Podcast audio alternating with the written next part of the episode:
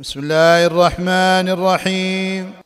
تفسير سورة الفجر. هذه السورة مكية وآياتها ثلاثون. افتتحت بخمسة أقسام وأشير فيها إلى ثلاث أمم من ذوي الكفر والطغيان. وأشير فيها إلى ثلاث أمم من ذوي الكفر والطغيان. عاد وثمود وفرعون وقومه كما أشير إلى بعض أخلاق الإنسان الجاهل والكافر وما جبل عليه ثم ذكر سبحانه بعض أحوال القيامة من دك الأرض ومجيء الرب للفصل والمجيء بالنار وندم الكافر ومآل النفس المطمئنة وهو الدخول في عباد الله وأوليائه وفي جنة الله. الآيات والفجر وليال عشر والشفع والوتر والليل إذا يسر. هل في ذلك قسم لذي حجر؟ هذه الآيات اشتملت على اقسامه تعالى بخمسة أمور. وهي الفجر والليالي العشر والشفع والوتر والليل إذا يسر وهي أمور عظيمة يدل على عظمته على عظمتها الإقسام بها. يدل على عظمتها الإقسام بها. التفسير قوله تعالى والفجر أي أقسم بالفجر الذي هو أول النهار. وهو الفجر الصادق وأصل الفجر الشق سمي بذلك. وأصل الفجر الشق سمي بذلك لأنه ينفجر فيه الضوء فيشق الظلام. وأقسم الله به لأنه من آيات الله الباهرة ومن مخلوقاته العظيمة الظاهرة. حيث تعود الأرواح إلى الأجساد بعد النوم. حيث تعود الأرواح إلى الأجساد بعد النوم. وذلك مذكر بالبعث وتدب الحياة في الكون بعد السكون والظلمة. وينتشر النور وتتعلق بطلوع الفجر أحكام شرعية. كالصلاة والصوم. وقد تمدح الله بكونه خالق الفجر فقال سبحانه فالق الإصباح. وأقسم به في آيات أخرى قال تعالى والصبح إذا أسفر. وقال والصبح إذا تنفس. وقوله وليال عشر أي وأقسم بالليالي العشر وهي عشر ذي الحجة والمراد الليالي وأيامها والعرب تطلق اليوم وتريد اليوم والليلة معا وتطلق الليلة وتريد اليوم والليلة معا. هذا هو الأصل في إطلاق كل من اليوم والليلة. إلا أن يمنع من ذلك قرينة ومن ذلك الأيام ومن ذلك الأيام في آيات الصيام. فإن المراد الأيام دون الليالي كقوله تعالى فعدة من أيام أخر. وقوله فصيام ثلاثة أيام. وأقسم الله بهذه العشر لشرفها وخص بالتنكير لأنها عظيمة حيث تؤدى فيها مناسك الحج إلى بيت الله الحرام الذي هو أحد أركان الإسلام.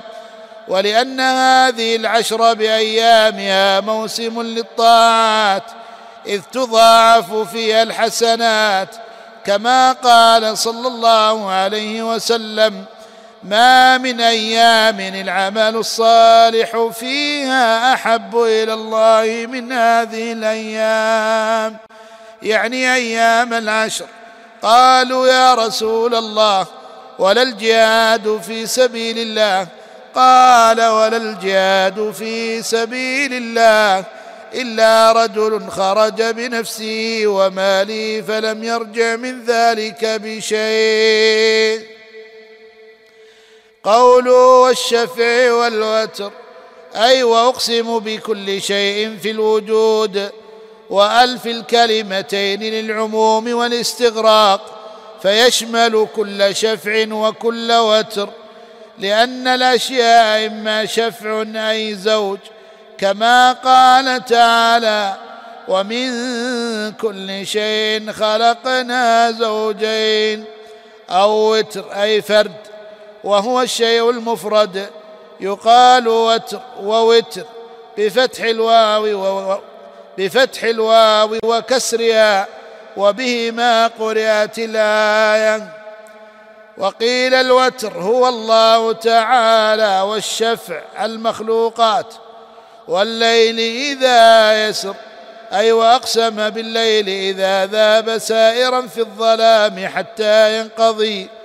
والتقييد بوقت سريانه وهو سيره حتى ينقضي. لأن غشيان الليل ثم انقشاع الظلمة وظهور الصبح دال على كمال قدرة الله وتمام نعمته. فالليل وقت للراحة والنهار وقت لكسب الرزق وقوله يسر بحذف الياء وصلا ووقفا لموافقة رؤوس الاي وجواب القسم هو ما يفهم من القسم بها من عظمتها لدلالتها على توحيد الله وبديع صنعه وسعة قدرته وعلمه وحكمته ورحمته. فالله عز وجل ينبه إلى ما في هذه المذكورات من دلالات لا يدركها إلا ذو العقول النيرة. ولذا قال هل في ذلك قسم؟ أي أليس في هذا القسم العظيم؟ أي أليس في هذا القسم العظيم مقنع لذي حجر أي لذي عقل وبصيرة والاستفهام للتقرير وتفخيم المقسم به وسمي العقل حجرا لأنه يمنع صاحبه من الوقوع في المذمومات فيما يضر أو ما لا ينفع.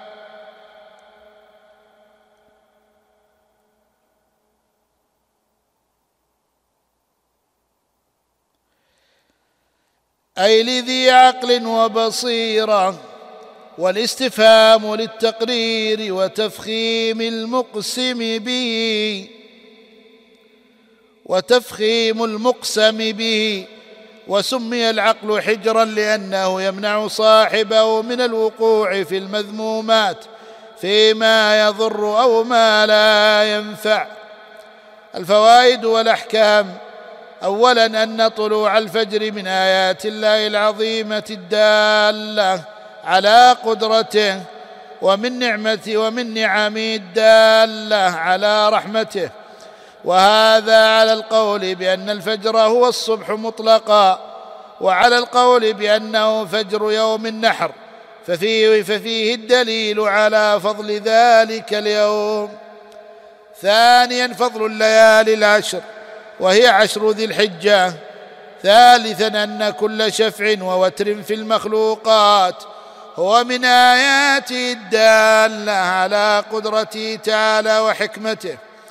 رابعا أن من أسماء الله الوتر على القول بأنه تعالى هو المراد بالوتر في الآية والشفع المخلوقات خامسا أن الليل من آياته تعالى ونعمه على عباده وقد أقسم الله به في كل أحواله بإقباله وإدباره وبسيره.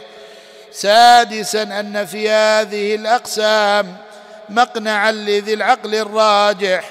سابعا مدح العقل وأصحاب العقول وهم أولو الألباب.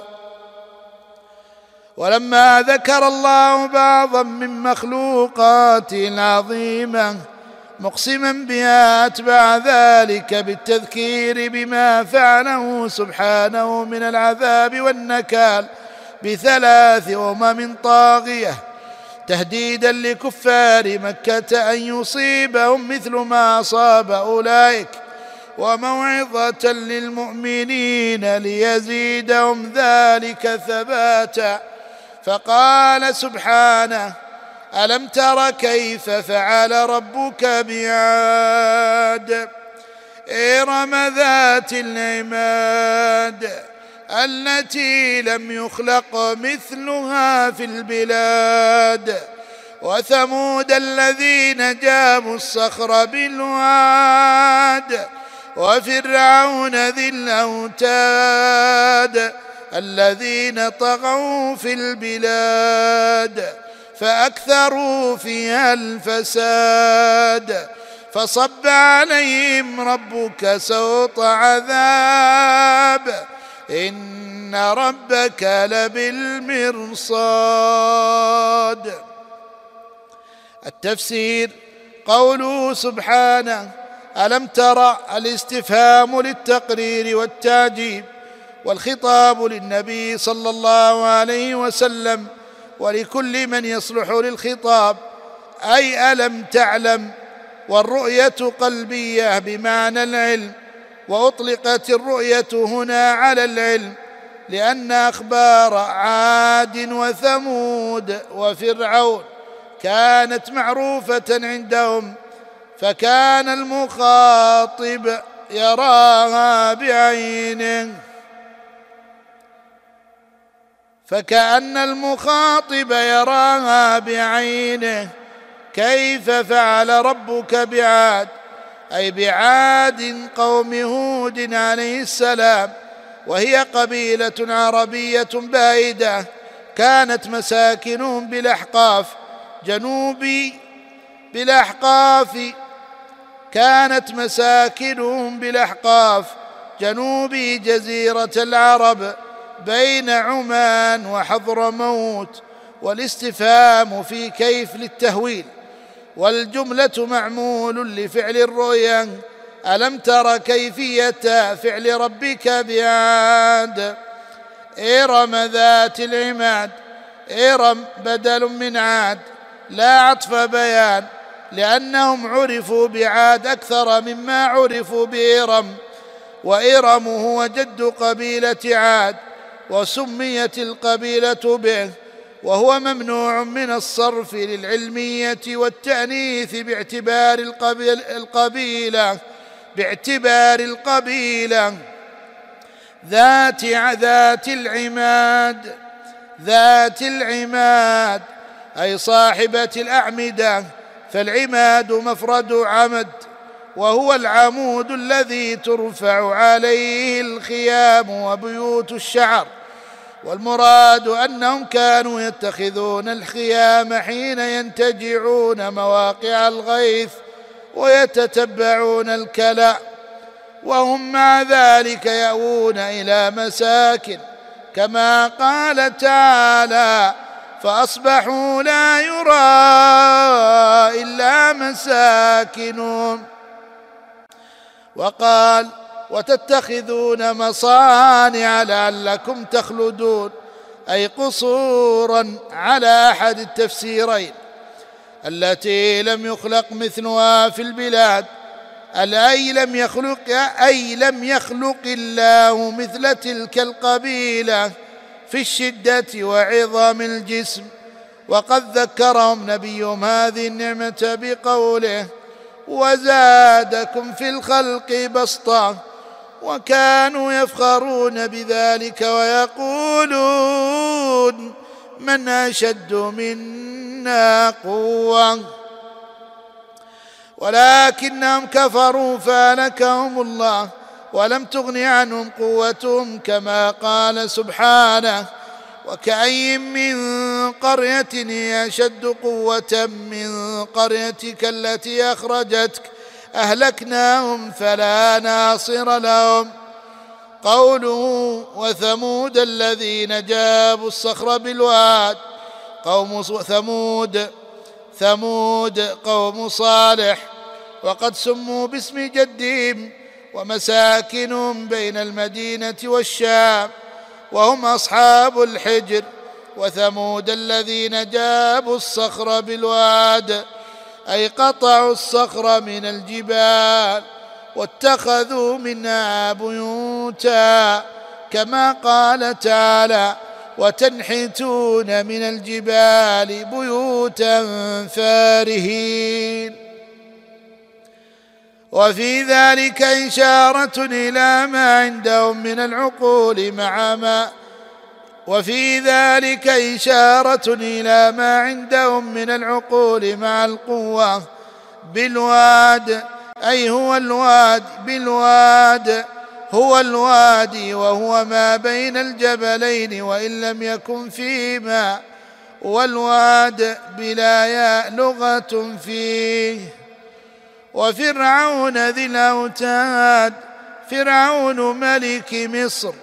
وهو صاحب موسى عليه السلام وكان طاغية جبارا عاتيا في الكفر والمراد بالآية فرعون وقومه وكان طاغية جبارا عاتيا في الكفر والمراد بالآية فرعون وقومه ذي الأوتاد أي صاحب الأوتاد جمع وتد. وكان يدقها في الأرض ليشد عليها من يريد تعذيبه. الذين طغوا في البلاد نعت لعاد وثمود وفرعون أي جاوزوا الحد في الظلم والطغيان. في البلاد أي في بلدانهم فأكثروا فيها الفساد. الفاء سببية وما بعدها مسبب عما قبلها أي بسبب طغيانهم البالغ اكثروا في البلاد الفساد من الكفر والظلم وسائر المعاصي. فصب عليهم ربك سوط عذاب اي انزل بهم ألوانا من العذاب. فهو كالسوط الذي لم يرتفع عنهم حتى أبادهم. والتعبير بالنصب للإشارة إلى والتعبير بالصب للإشارة إلى تتابع العذاب واستمراره وكثرته فهو يعمهم ويغمرهم. وقد فصل الله في مواضع من كتاب العظيم ما وقع بهؤلاء فقال في عاد وثمود فأما ثمود فأهلكوا بالطاغية وأما عاد فأهلكوا بريح صرصر عاتية. سخرها عليهم سبع, سبع ليال. سخرها عليهم سبع ليال وثمانية أيام حسوما. فترى القوم فيها صرعا كأن كأنهم أعجاز نخل خاوية.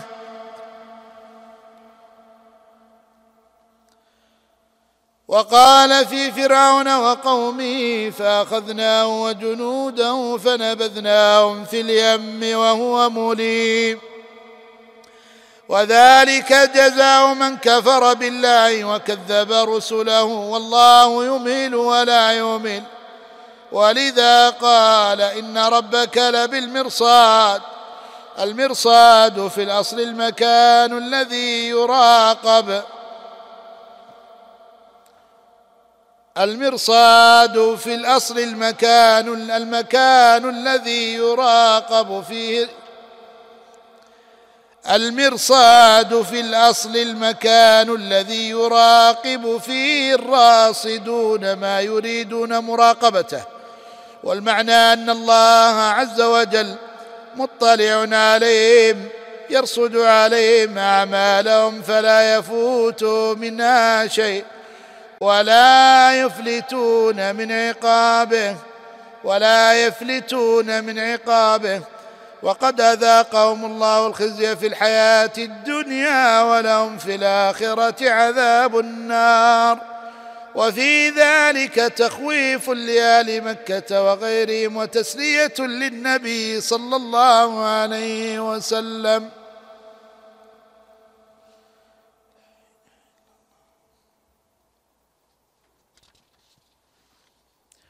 الفوائد والأحكام. أول أولا تنوع أساليب القرآن بالقصص بالتفصيل والإجمال والبسط والإختصار.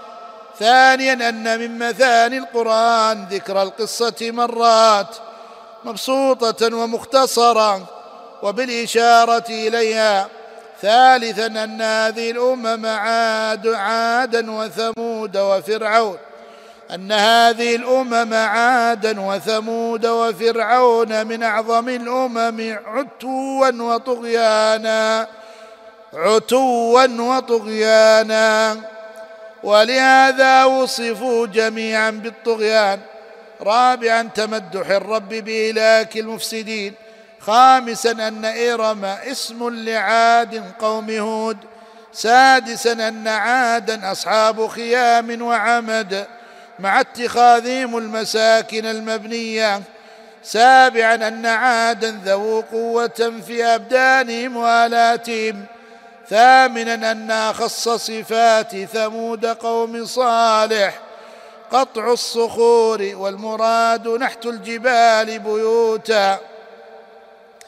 تاسعا أن ثمود ذو قوة وطول امل عاشرا أن ديار ثمود تشرف على واد وهو المسيل.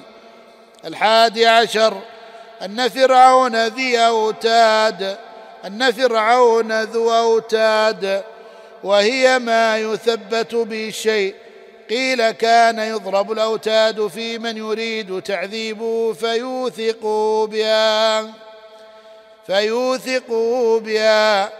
ففيه ثاني الثاني عشر.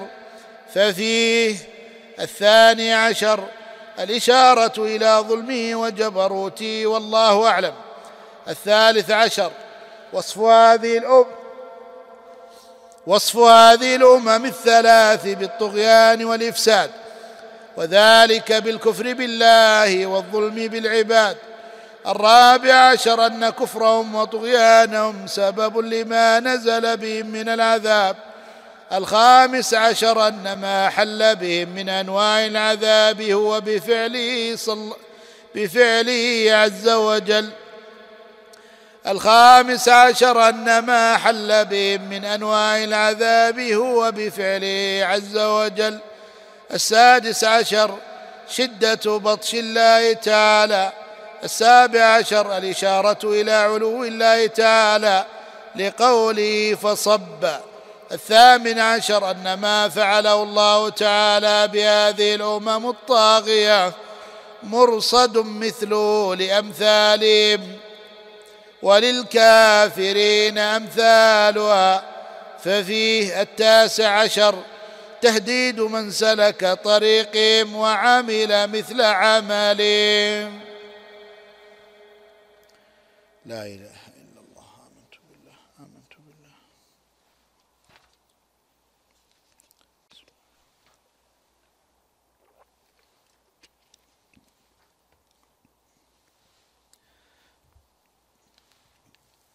ولما ذكر الله أحوال الأمم الطاغية وما فعل بهم وما فعل بهم بسبب طغيانهم وجالهم بربهم وأخبر أنه تعالى للعباد بالمرصاد يحصي عليهم أعمالهم ويجازيهم عليها. أخبر عن جانب من شأن الإنسان الجاهل وهو عدم فهمه لحكمة الله فيما يجري عليه من خير أو شر فقال فاما الانسان اذا ما ابتلاه ربه فاكرمه ونعمه فيقول ربي اكرمن واما اذا ما ابتلاه فقدر عليه رزقه فيقول ربي اهانن كلا بل لا تكرمون اليتيم ولا تحاضون على طعام المسكين وتأكلون التراث أكلا لما وتحبون المال حبا جما.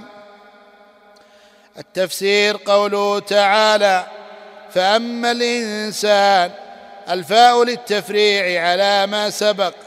أي أي إنه سبحانه عليم بخلقه وبأحوالهم.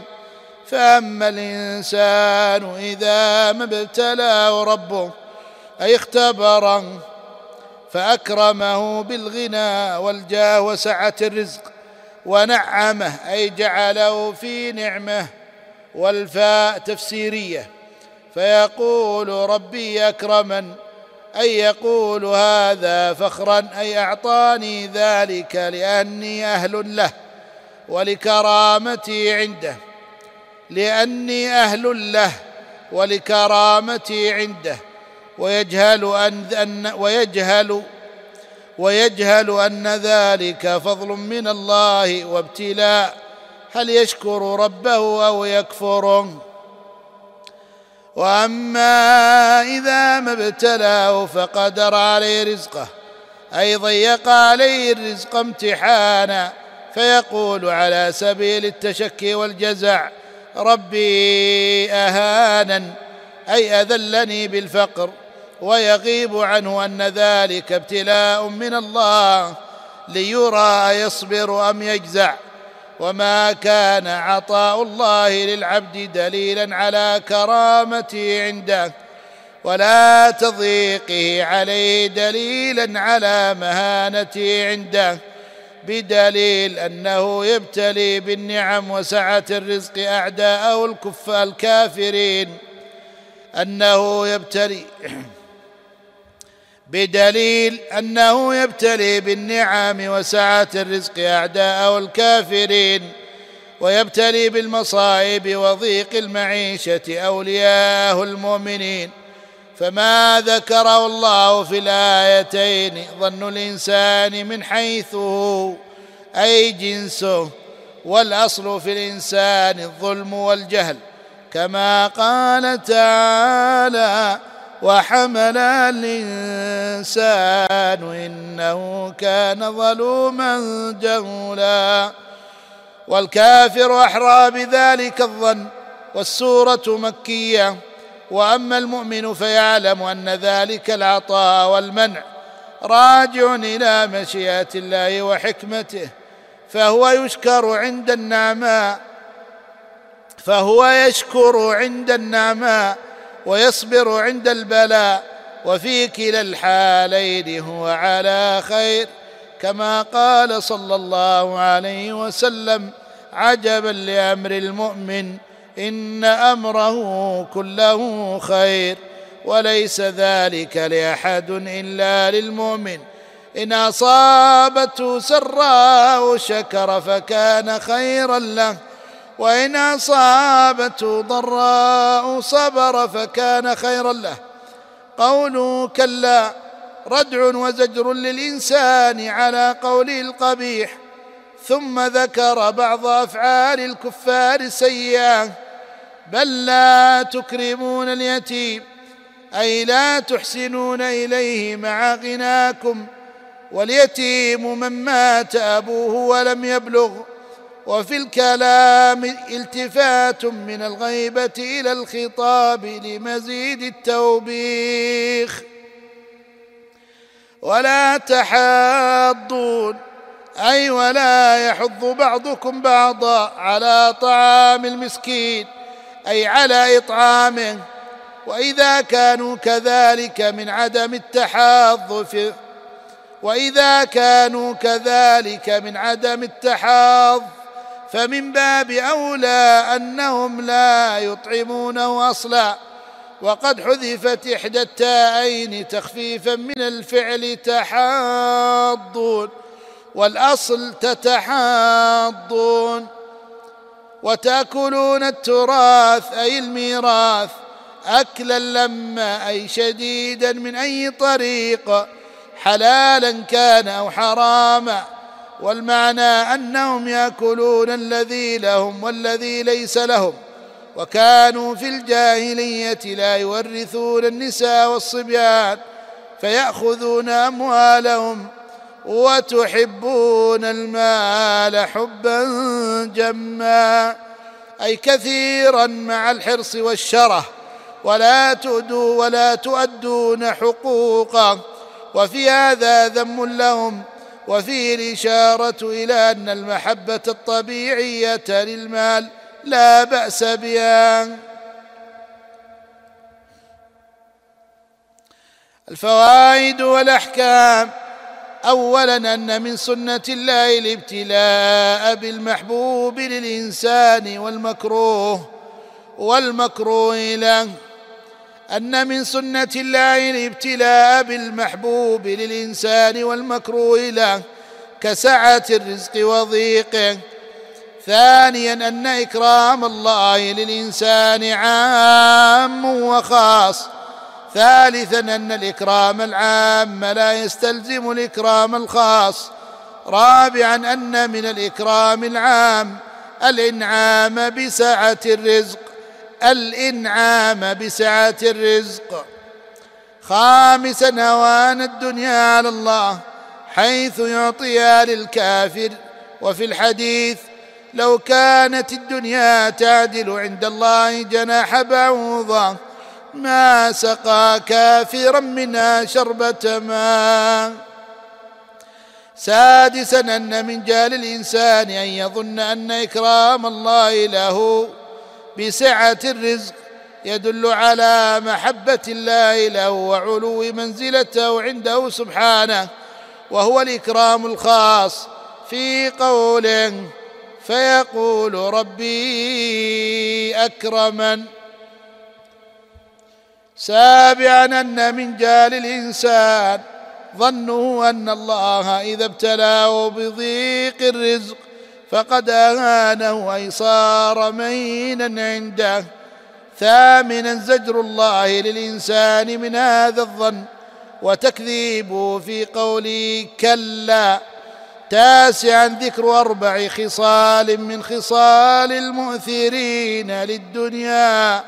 عاشرا ترك ما يجب لليتيم من إيتائه حقه ترك ما يجب لليتيم من ايتائه حقه والإحسان إليه وذلك إكرامه. ثانيا ترك الحظ على إطعام المسكين بخلا وغفلة عن يوم الدين. ثالثا أكل الميراث بغير حق. كما كان أهل الجاهلية لا يورثون الصبيان ولا البنات رابعا حب المال حبا شديدا. حب المال رابعا حب المال حبا شديدا.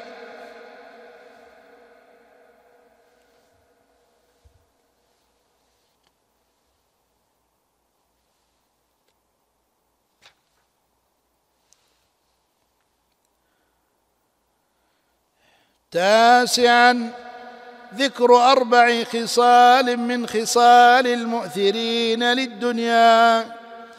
اولا ترك ما يجب لليتيم من ايتائه حقه والإحسان إليه وذلك إكرامه. ثانيا ترك الحظ على إطعام المسكين بخلا وغفلة عن يوم الدين. ثالثا أكل الميراث بغير حق كما كان أهل الجاهلية لا يورثون الصبيان ولا البنات. رابعا حب المال حبا شديدا وكثيرا مما يحمل على اكتسابه من غير حله. والبخل بما يجب فيه. عاشرا أن الجامع لكل هذه الخصال هو إيثار الدنيا على الآخرة. الحادي عشر الإرشاد من الله. إلى ضد هذه الخصال من إكرام اليتيم والتحاض على إطعام المسكين وإيتاء الوارثين حقوقهم والاقتصاد في حب المال. وبعد أن ذكر بعض أعمال الذميمة وبعد أن ذكر بعض أعمالهم الذميمة أتبعها بزجرهم وردعهم وتذكيرهم بيوم القيامة الذين يحاسبون فيه وما يكون فيه من أحوال وأهوال. وأول ذلك دك الأرض وأعظم ذلك مجيء الرب للفصل. وتجيء الملائكة صفوفا صفا بعد صف وأشد ذلك أن يجاء بجهنم. فيندم الكافر ولا تساعة مندم ويصير المؤمن ذو النفس المطمئنة جنة إلى جنة الله. ويصير المؤمن ذو النفس المطمئنة إلى جنة الله. فقال سبحانه كلا إذا دكت الأرض دكا دكا. وجاء ربك والملك صفا صفا. وجيء يومئذ بجهنم. يومئذ يتذكر الإنسان وأنى له الذكرى. يقول يا ليتني قدمت لحياتي فيومئذ لا يعذب عذابه أحد ولا يوثق وثاقه أحد. يا أيتها النفس المطمئنة ارجعي إلى ربك راضية مرضية. فادخلي في عبادي وادخلي جنتي. التفسير كلا ردع لهم وزجر. أي ما هكذا ينبغي أن تكون حالكم. فإنها حال يندم صاحبها يوم القيامة. إذا دكت الأرض أي دقت وفتت ما عليها من الجبال فلا ترى فيها عوجا ولا أمتا. وهذا الدك بعد النفخة الأولى. دكا دكا أي دكا متتابعا مرة بعد مرة يستوعبها حتى لا يبقى منها شيء إلا دك. فدك. الثاني ليس للتوكيد بل للتكرار. وهذا أظهر من جعل دكا الثانية من قبيل التأكيد اللفظي للأولى. وأما قوله تعالى وحملت الأرض والجبال فدكتا دكة واحدة. فليس المراد والله أعلم. نفي تكرار الدك بل بيان أن الأرض والجبال دكتا دكة واحدة. لا دكتين إحداهما للأرض والأخرى للجبال. وعلى هذا فلا تعارض بين الآيتين. وجاء ربك للفصل والقضاء بين الخلائق مجيئا حقيقيا يليق بجلاله وكماله سبحانه. لا نعلم كيفيته أو كنهه والقول بأن المراد جاء أمره تأويل وعدول عن ظاهر اللفظ بغير دليل والملك صفا صفا. أي, أي وجاءت أي وجاءت الملائكة صفا بعد صف فيحيطون بالخلائق فيحيطون بالخلائق. وألف الملك للجنس. وألف الملك للجنس فتفيد العموم. وقوله صفا صفا حال من الملك. كقولك جاء القوم واحدا واحدا أي واحدا بعد واحد. وجيء يومئذ أي وجيء يومئذ تكون هذه الأمور بجهنم تجر الملائكة. كما قال صلى الله عليه وسلم يؤتى بجهنم يومئذ لها سبعون الف زمام.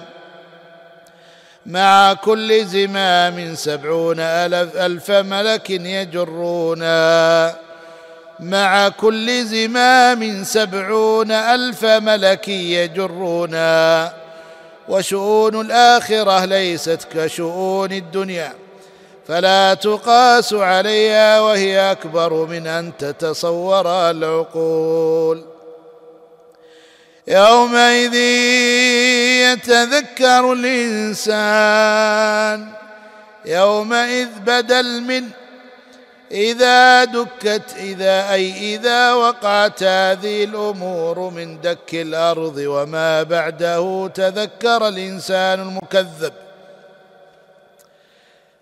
أي إذا وقعت هذه الأمور من دك الأرض وما بعده تذكر الإنسان المكذب وتاب وندم على معاصيه. ولا ينفعه الندم. ولهذا قال وأنى له الذكرى. أي من أين له الانتفاع بالذكرى؟ أي الموعظة. وقد فات أوانها وهو استفهام بمعنى النفي والاستبعاد.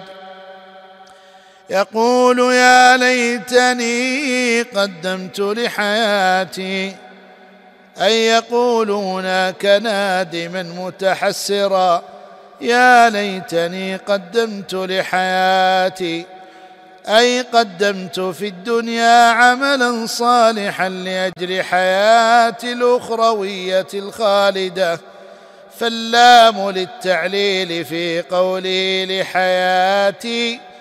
وفي الآية إشارة إلى أن الحياة الحقيقية هي حياة الآخرة فيجب العمل لها وأن الدنيا مزرعة لها.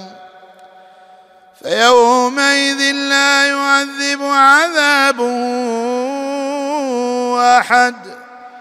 فيومئذ لا يعذب عذابه أحد. أي لا يعذب كتعذيب الله أحد في الإيلاء. أي لا يعذب كتعذيب الله أحد في الإيلاء. وإضافة العذاب إلى الله لأنه بأمره ولتعظيم شأن العذاب ولا يوثق وثاقا أحد. أي ولا يستطيع أحد أن يقيد مثل تقييد الله في الشدة. ولا يستطيع أحد أن يقيد مثل تقييد الله في الشدة. كما قال تعالى إذ الأغلال في أعناقهم والسلاسل يسحبون. ففي الآيتين دليل عظيم على عظيم عذاب الله وشدة إيثاقه.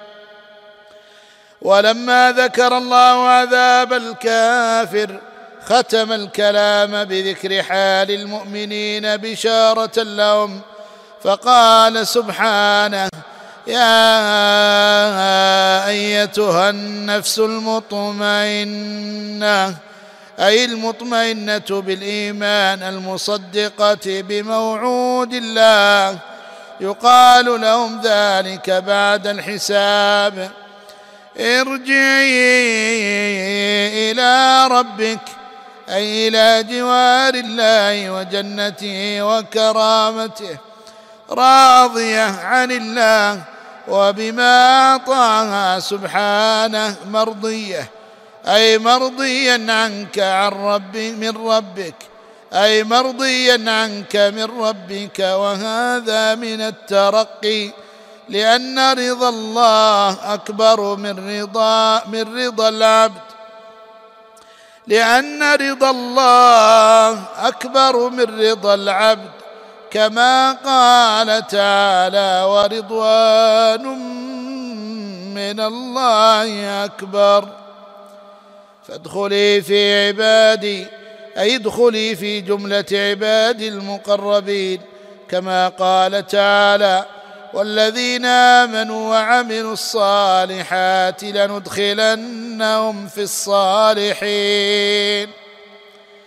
وادخلي جنتي أي ادخلي جنتي معهم.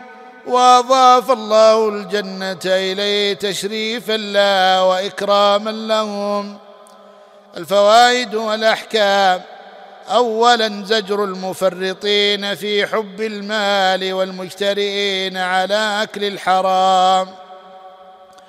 ثانيا أن الأرض يوم القيامة تدك أي يدك كل ما عليها من جبال وبناء فتسوى فتكون صفصفا.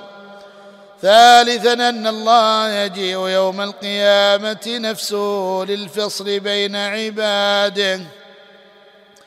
مجيئا يليق بجلاله لا يعلم العباد كيفيته رابعا أن الملائكة يجيئون لمجيء الرب ويكونون صفوفا صفا بعد صف. خامسا أنه يجاء بجهنم لموقف القيامة فيرى المجرمون. كما قال تعالى ورى المجرمون النار سادسا ان الكافر عند ذلك يتذكر تفريطه فيما دعت اليه رسل الله فيندم. أن الكافر عند ذلك يتذكر تفريطه فيما دعته إليه رسل الله فيندم ولا تساعة مندم سابعا أنه يتمنى أن سابعا أنه يتمنى أنه قدم في حياة الدنيا ما ينفعه في الحياة الأخرى. ثامنا أن للعبد مشيئة وقدرة على فعل ما أمر به. لقوله يا لقوله يقول يا ليتني قدمت لحياتي. ففيها تاسعا الرد على الجبرية. عاشرا بيان نهاية الكافر.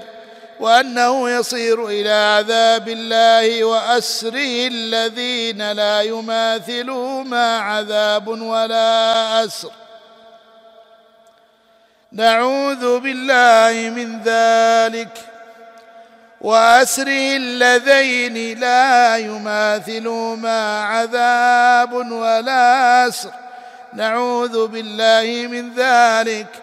سادسا أن المؤمن ذا النفس المطمئنة يرجع إلى ربه راضيا مرضيا. قد رضي الله عنه وأرضاه. الثاني عشر أن المؤمن يصير إلى أعظم كرامة وهي الجنة. الثالث عشر إثبات القيامة. الرابع عشر إثبات الجنة والنار. الخامس عشر إثبات الجزاء على الأعمال وهو مقتضى الحكمة والعدل. السادس عشر الترغيب والترهيب في هذه الآيات بالوعد والوعيد. كان هذا المشروع برعاية أوقاف الشيخ علي بن عبد العزيز الضويان رحمه الله وغفر له ولوالديه وبارك في ذريته وجعله في موازين حسناتهم.